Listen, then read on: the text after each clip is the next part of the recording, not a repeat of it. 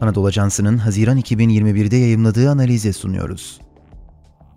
Transatlantik ilişkilerde yeni küresel öteki, Çin.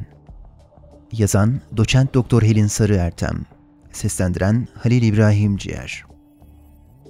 ABD Başkanı Joe Biden'ın önce G7 ardından NATO ve Avrupa Birliği zirvelerine katılımının ardından ufukta daha güçlü bir Çin tehdidi belirdiğini söylemek yanlış olmayacak. Uluslararası ilişkiler camiasını son yıllarda en çok meşgul eden konuların başında yükselen Çin ve bu yükselişe verilecek olası tepkiler geliyor. Şimdilik sorunun varlığının pek çok ülke tarafından kabul edildiğini ve yeni bir ortak küresel tehdit inşası için ABD'nin yoğun çaba harcadığı gözlemleniyor. Henüz yolun başındayız ve gerilimin Çin'in atacağı adımlara da bağlı olarak yükselmesi veya düşmesi mümkün. Çin ortak tehdit olarak inşa ediliyor. Trump döneminde uygulanan korumacı ekonomi ve ötekileştirici söylemler nedeniyle pek çok bölgeyle olduğu gibi Batı ile ilişkileri de yara alan ABD, Biden yönetiminde öncelikle transatlantik camiası ile olan ilişkileri tamir etme yolunu seçti. ABD geri döndü sloganı eşliğinde gerçekleştirilen ikili ve çoklu görüşmeler sayesinde Biden yönetimi yüz yüze diplomasi uygulayarak batılı müttefiklerine yalnız olmadıkları mesajını verdi. Tarafını seç baskısı Batılı liberal değerler sistemi olmaksızın devlet kapitalizmi uygulayan Çin'in Washington konsensüsüne alternatif bir Pekin konsensüsü yaratma çabası sonuç verir mi? Bu şimdilik belirsiz. Anahtar liderlerden çok ülke kamuoylarının elinde.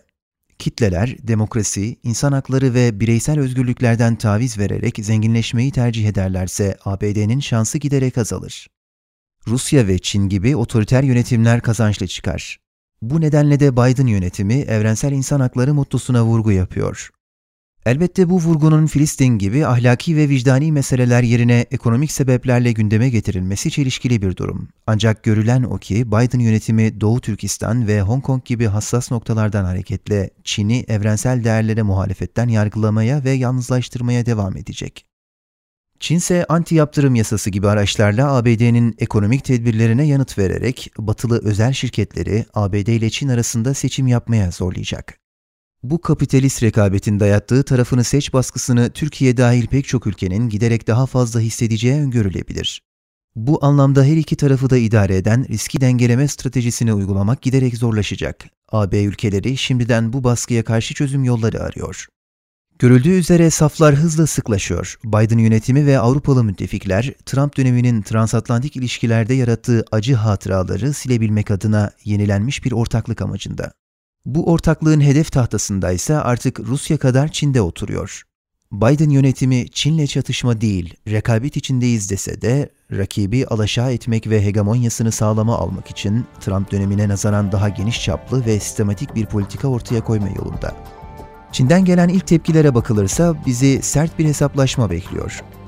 Güç dengesi teorileri iç ve dış dengeleme sonuç vermezse üçüncü ve son aşamanın savaş olacağını öne sürer. Umarız uluslararası camia bu yönde bir resleşme içinde olmaz ve rasyonel akıl yeni bir dünya savaşını engelleyecek şekilde devrede kalır. Doçent Doktor Helin Sarı Ertem, İstanbul Medeniyet Üniversitesi Uluslararası İlişkiler Bölümü öğretim üyesidir. Spotify, SoundCloud, Apple Podcast ve diğer mecralardaki podcastlerimizi dinlediğiniz için minnettarız. Lütfen abone olmayı unutmayın.